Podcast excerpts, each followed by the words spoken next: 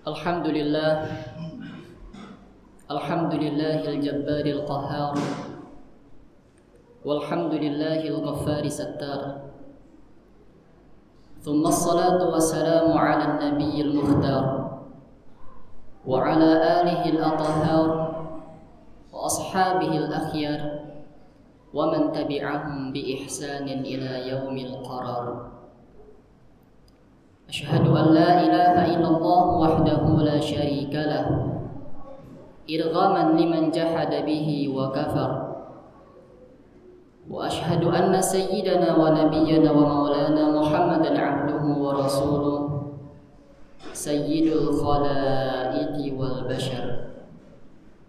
أما بعد فيا عباد الله أوصي نفسي وإياكم بتقوى الله. فقد فاز المتقون.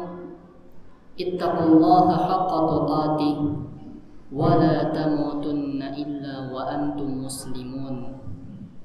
واعلموا أن أكرمكم عند الله أتقاكم. فاتقوا الله ما استطعتم. قال الله تعالى في القرآن العظيم وهو أصدق القائلين أعوذ بالله من الشيطان الرجيم. بسم الله الرحمن الرحيم.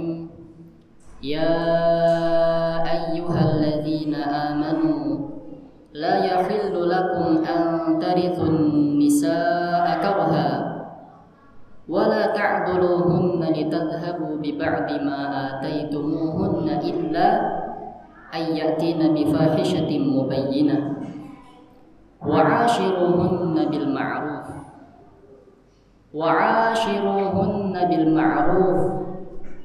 وعاشروهن بالمعروف. فإن كرهتموهن فعسى أن تكرهوا شيئا ويجعل الله فيه خيرا كثيرا. وبعد صدق الله العظيم. وصدق رسوله الحبيب النبي الكريم. ونحن على ذلك من الشاهدين والشاكرين والحمد لله رب العالمين معاشر المسلمين وزمرة المؤمنين جماعة جمعة رحمكم الله Pada kesempatan kali ini marilah sama-sama kita merenungkan firman Allah Subhanahu wa taala di dalam surah An-Nisa ayat 19. Satu dari sekian banyak ayat yang mengajarkan kita bagaimana caranya meningkatkan ketakwaan kepada Allah Subhanahu wa taala. Kita akan berbicara tentang satu tema yang sangat penting sekali untuk kita semua. Tema yang sangat cocok disajikan dalam majelis sholat Jumat karena mayoritas yang hadir umumnya adalah laki-laki. Maka mari kita tengok, kita perhatikan atau kita ketahui apa yang Allah mau, pesan apa yang ingin Allah sampaikan kepada para laki-laki, kepada para suami, yaitu untuk berbuat baik dan memuliakan istri-istri mereka. Wa'ashiruhunna bil ma'ruf. Ma'asyiral muslimin rahimakumullah. Sesungguhnya berbuat baik kepada istri adalah perintah Allah di dalam Al-Qur'an.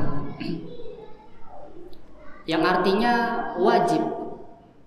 Tidak boleh seorang suami tidak memperlakukan istrinya dengan baik. Wajib fardu ain bagi setiap suami memuliakan dan berbuat baik kepada istrinya. Wa ashiruhunna bil ma'ruf. Terlebih lagi bahwa Nabi Shallallahu Alaihi Wasallam juga mengisyaratkan dalam hadisnya yang mulia, khairukum khairukum li ahlikum wa ana khairukum li ahli. Dalam riwayat lain, khiyarukum khiyarukum li ahlikum wa ana khiyarukum li ahli. Sebaik-baik kalian wahai laki-laki adalah yang paling baik kepada istrinya dan aku adalah yang paling baik di antara kalian kepada istriku. Artinya bahwa jika kita ingin melihat kebaikan seseorang, khususnya laki-laki, tidak dibatasi dia di luar rumahnya. Bahkan terkadang kebaikan seorang lelaki di luar rumahnya kepada tetangganya, temannya, sahabatnya, bahkan partner bisnisnya sekalipun bisa jadi kebaikan yang sifatnya basa-basi dan ria'an nas. Tapi kebaikan yang hakiki, kebaikan sesungguhnya seseorang lelaki itu adalah bagaimana ia memuliakan, berbuat baik kepada orang-orang yang tinggal satu atap dengannya dalam rumahnya kepada istrinya, kepada anaknya, mungkin orang tuanya, mungkin asisten rumah tangganya. Maka jangan dulu kita mentazkiyah diri kita karena kita sudah banyak membantu orang lain. Apa pendapat orang tua kita, istri kita, anak kita tentang kita? Apakah mereka akan berkata jujur, khususnya istri ya? Apakah istri kita akan menjawab jujur jika ia ditanya tentang suaminya Apakah ia akan mengatakan bahwa kita adalah sebaik-baik suami? Sebagaimana salah satu sahabiat yang pernah menikah dengan tiga orang sahabat dan tiga-tiganya ahli surga. Dan sahabiat ini juga dikatakan ahli surga. Namanya Asma bintu Umais radhiyallahu anha. Asma bintu Umais pernah menikah dengan Ja'far bin Abi Thalib. Dan dia berkata bahwa Ja'far bin Abi Thalib adalah sebaik-baik suami. Ketika Ja'far syahid, beliau menikah dengan Abu Bakrin As-Siddiq. Dan dia berkata Abu Bakar adalah sebaik-baik suami. Ketika Abu Bakar wafat, dia menikah dengan Ali bin Abi Thalib. Dan dia juga mengatakan Ali adalah sebaik-baik suami. Pertanyaannya, apa pendapat istri kita tentang kita? Jadi jamaah rahimakumullah. Rasulullah juga sampaikan bahwa ana khiyarukum li ahli. Ada satu suami yang paling baik di muka bumi ini kepada istrinya. Dari seluruh suami, seluruh laki-laki, satu orang yang paling baik terhadap istrinya. Itulah aku, kata Rasulullah. Artinya ketika kita mendengar Allah berfirman, wa nabil ma'ruf, Wahai laki-laki berbuat baiklah kalian kepada istri kalian. Kita bertanya, "Ya Allah, bagaimana caranya?" Maka Allah menjawab, "Laqad kana lakum fi Rasulillahi uswatun hasanah." Sungguh benar-benar telah ada pada pribadi Rasulullah Shallallahu alaihi wasallam suri teladan yang paling baik untuk kalian. Maka ketika kita ingin mengetahui metode, tata cara bagaimana kita memuliakan istri kita, perlu kiranya kita belajar sirah, belajar perjalanan hidup Nabi, kisah, sejarah bagaimana Rasulullah dulu memuliakan istri-istrinya. Bagaimana kesabaran Rasulullah. Jadi ada banyak sekali kisah. Dan kali ini kita akan angkat satu kisah saja bagaimana sabarnya Rasulullah menghadapi istrinya.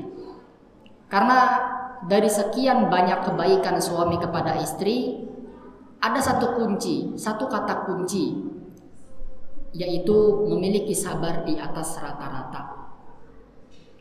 Menjadi suami yang dermawan butuh kesabaran. Menjadi suami yang penyayang butuh kesabaran. Bahkan menjadi suami yang mampu baik dalam mendidik pun butuh kesabaran hadir satu sahabat kepada Rasulullah Shallallahu Alaihi Wasallam fakal dan beliau berkata bertanya wahai Rasulullah berapa kalikah hendaknya seorang suami bersabar terhadap gangguan istrinya dalam satu hari? Beliau bertanya berapa kali idealnya seorang suami yang solih yang beriman bersabar atas kekurangan istrinya dalam satu hari mungkin raut wajahnya, mungkin kata-katanya, mungkin sikap sifat karakternya, mungkin ketidaktaatannya, bantahnya, mungkin mungkin mungkin lainnya. Berapa kali idealnya suami bersabar terhadap istrinya dalam satu hari? Maka apa jawaban Nabi Shallallahu Alaihi Wasallam? Bima ma'ana sabaruna marrah. 70 kali hendaknya suami bersabar kepada istrinya dalam satu hari. Sehingga ini menjadi tolak ukur bagi kita bahwa jangan mudah marah terhadap istri. Karena memang Rasulullah sampaikan, fa innaha khuliqat min dila'in. Perempuan itu diciptakan dari tulang rusuk wa inna a'waja ma fid dilai a'lahu tulang rusuk yang paling bengkok yang paling atas fa inna a'waja ma fid dilai a'lahu wa in taraktahu lam yazal a'waj kalau misalkan kita lurusin dia patah kita biarin juga dia bengkok terus jadi pesan Nabi istausu bin nisa'i khairan kalian saling nasihati sesama lelaki kepada lelaki agar berbuat baik kepada istri. Sabar, kata kuncinya sabar. Dan sabar adalah ibadah yang yang seperti ikhlas ya, mudah diucapkan tapi pengamalannya butuh mujahadah yang kuat. Karena balasannya juga nggak main-main. Dalam surah Az-Zumar di ujung ayat 10 Allah berfirman, "Innama yuwaffas sabiruna ajrahum bighairi hisab." Sungguh akan kami balas orang-orang yang sabar dengan pahala yang tanpa hitungan. Salat jamaah 27 derajat. Baca Quran 10 satu hurufnya. Sedekah 700 kali lipat. Tapi sabar tanpa batas kata Allah. Karena saking beratnya memang ibadah sabar ini. Dan orang bisa masuk surga karena sabar. Malaikat akan berkata salamun alaikum bima sabartum fa ni'ma Selamat kalian sudah sabar di dunia, sekarang nikmati sebaik-baik tempat. Itu kata para malaikat di depan semua pintu surga kepada kepada penghuni surga yang ingin masuk surga. Jamaah ma'asyiral muslimin rahimakumullah. Satu hari Aisyah radhiyallahu anha marah kepada Nabi Shallallahu alaihi wasallam, ngambek. Dan kita husnudon karena tidak disebutkan dalam asar ini apa penyebab Aisyah marah. Bisa jadi karena cemburu karena Aisyah adalah istri Nabi yang paling pencemburu. Sampai Lailatul Qadar pun Nabi Shallallahu Alaihi Wasallam pada saat itu mestinya jatah di rumah Aisyah tapi tidak ada di kasur tidak ada di rumahnya. Maka Aisyah keluar ke rumah setiap istri Nabi. Cari nggak ada cari nggak ada sampai tergopoh-gopoh sampai ngos-ngosan masuk masjid didapati Nabi lagi berdoa kepada Allah kemudian Rasulullah berkata wahai Aisyah kamu cemburu lagi ini malam Lailatul Qadar. Karena saking cemburunya Aisyah, sifat pencemburunya luar biasa. Mungkin karena cemburu. Aisyah marah kepada Rasulullah sampai malam hari dan saking marahnya, saking tidak senangnya, Aisyah sampai berkata, "Aku ingin pulang ke rumah ayahku." Ingin pulang ke rumah Abu Bakar As-Siddiq radhiyallahu anhu. Maka pada malam hari itu Rasulullah berkata, "Wahai Aisyah, kalau begitu saya temenin, saya anterin." Berjalanlah mereka berdua ke rumah Abu Bakar As-Siddiq radhiyallahu Kemudian Abu Bakar, Rasulullah, Aisyah duduk dalam satu ruangan dan Abu Bakar heran bertamu malam-malam nggak biasanya. Maka bertanya, "Ya Rasulullah, wahai Aisyah, ada apa? Apa yang bisa saya bantu?" Maka keduanya terdiam dan Rasulullah berkata, "Wahai Aisyah, bolehkah aku ngomong lebih dulu?" Jamaah bayangkan pemimpin anbiya war rusul, manusia paling mulia yang namanya sudah ada 500 tahun sebelum bumi diciptakan. Tapi bertanya kepada istrinya, "Bolehkah aku berbicara terlebih dulu?" Betapa beliau memuliakan istrinya padahal istrinya lagi. Lalu siapa kita yang merasa lebih baik dari Rasulullah dan malu mengatakan yang demikian pada istri kita? Apakah dengan itu kita menjadi rendah? Rendah diri? Demi Allah, tidaklah seseorang merendahkan dirinya karena Allah, melainkan Allah angkat derajatnya. Maka perhatikan jawaban Aisyah pada saat itu. Boleh dengan syarat jangan katakan kecuali kebenaran. Subhanallah. Siapa lawan bicara Aisyah pada saat itu? Rasul Shallallahu Alaihi Wasallam manusia paling amanah, al-amin, as-sadiqul masdud, yang jujur dan terpercaya. Langit saja percaya kepada dia, apalagi bumi. Maka serentak Abu Bakar sangat kecewa dengan kalimat Aisyah itu. Sangat malu kepada Rasulullah. Dan Abu Bakar berdiri marah, "Wahai Aisyah, apakah maksudmu Rasulullah akan berbohong padahal Allah saja percaya kepadanya?" Maka Abu Bakar ingin memukul Aisyah pada saat itu. Serentak Rasulullah bangun, menahan Abu Bakar dengan tubuhnya, kemudian berkata, menegur, Ya Abu Bakrin, Bukan untuk ini kami datang kepadamu. Bukan untuk engkau menyakiti istri saya. Tapi untuk meminta nasihat darimu. Di saat yang sama, Rasulullah menoleh ke belakang, melihat Aisyah dengan senyum, dan berkata, Wahai Aisyah, lihat bagaimana aku memuliakanmu, bagaimana aku membelamu. Yang mungkin di antara kita jika ada istri yang berkata demikian, diperlakukan dengan kata-kata yang tidak enak. Jangankan depan orang lain, mungkin di dalam rumah saja bisa kecewa, bisa sakit hati karena merasa pemimpin, banyak tanggungan, berat dan segala macam. Tapi Rasulullah di depan orang lain dibilang jangan katakan kecuali kebenaran, tapi Rasulullah masih sabar. Ini adalah bukti bahwa Rasulullah panutan yang paling mestinya kita contoh, kita ikuti yaitu sifat sabar Rasulullah Sallallahu Alaihi dan banyak sekali kisah-kisah betapa Rasulullah tuh orangnya nggak easy going, nggak gampang baper kalau ngadepin istri. Dan sekian banyak tips untuk berbuat baik memuliakan istri adalah sabar. Kemudian Allah berkata dalam akhir surah An-Nisa juz eh, ayat ke-19, fa in karihtumuhun fa'asa an takrahu syai'an wa yaj'alallahu fihi khairan katsira. Wahai para laki-laki, jika kalian membenci satu hal pada istri kalian atau beberapa hal yang kalian gak suka, fa'asa an takrahu syai'an wa yaj'alallahu fihi khairan katsira. Bisa jadi kalian benci dalam beberapa hal itu, tapi Allah jadikan pada hal yang lain kebaikan yang sangat banyak. Maka ketika istri kita melakukan satu kekeliruan, satu kesalahan, kekhilafan, mungkin salah, jangan terlalu fokus dengan kesalahan itu. Tapi kita flashback, ingat dia banyak berkorban, banyak mempersembahkan yang terbaik untuk kita. Bahkan dalam surah Al-Baqarah, Allah menasehati suami istri, "Wala tansawul fadla bainakum." Dan janganlah kalian saling melupakan kebaikan di antara kalian. Suami jangan melupakan kebaikan istri, istri pun demikian. Karena banyaknya perempuan di dalam neraka adalah al-kufru bil ashir, kufur atau tidak berterima kasih dengan kebaikan suaminya. Sabar memperhatikan kebaikan istri dan tidak melupakan kebaikan-kebaikan istri adalah kunci. Insya Allah akan membawa, eh, membuat rumah tangga kita menjadi lebih harmonis dan mendapatkan dari Allah Subhanahu wa taala. Barakallahu li wa lakum fil Qur'anil azim wa nafa'ani wa iyyakum bima fihi min al-ayati wa dzikril hakim wa taqabbala minni wa minkum tilawatahu fastaghfiruhu innahu huwal ghafurur rahim.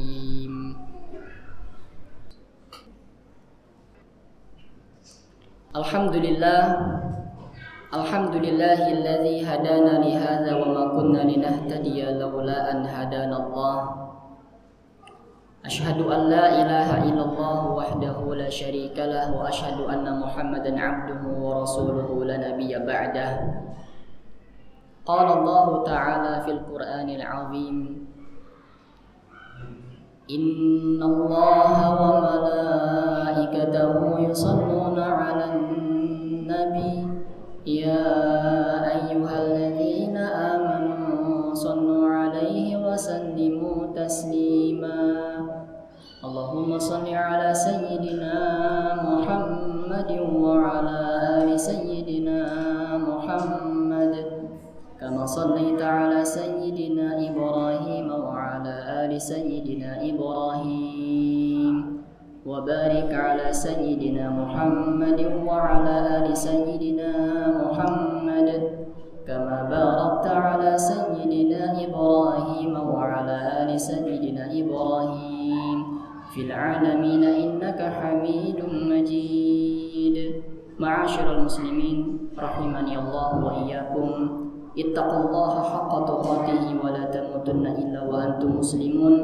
واعلموا وحافظوا على الطاعة والحضور الجمعة والجماعة.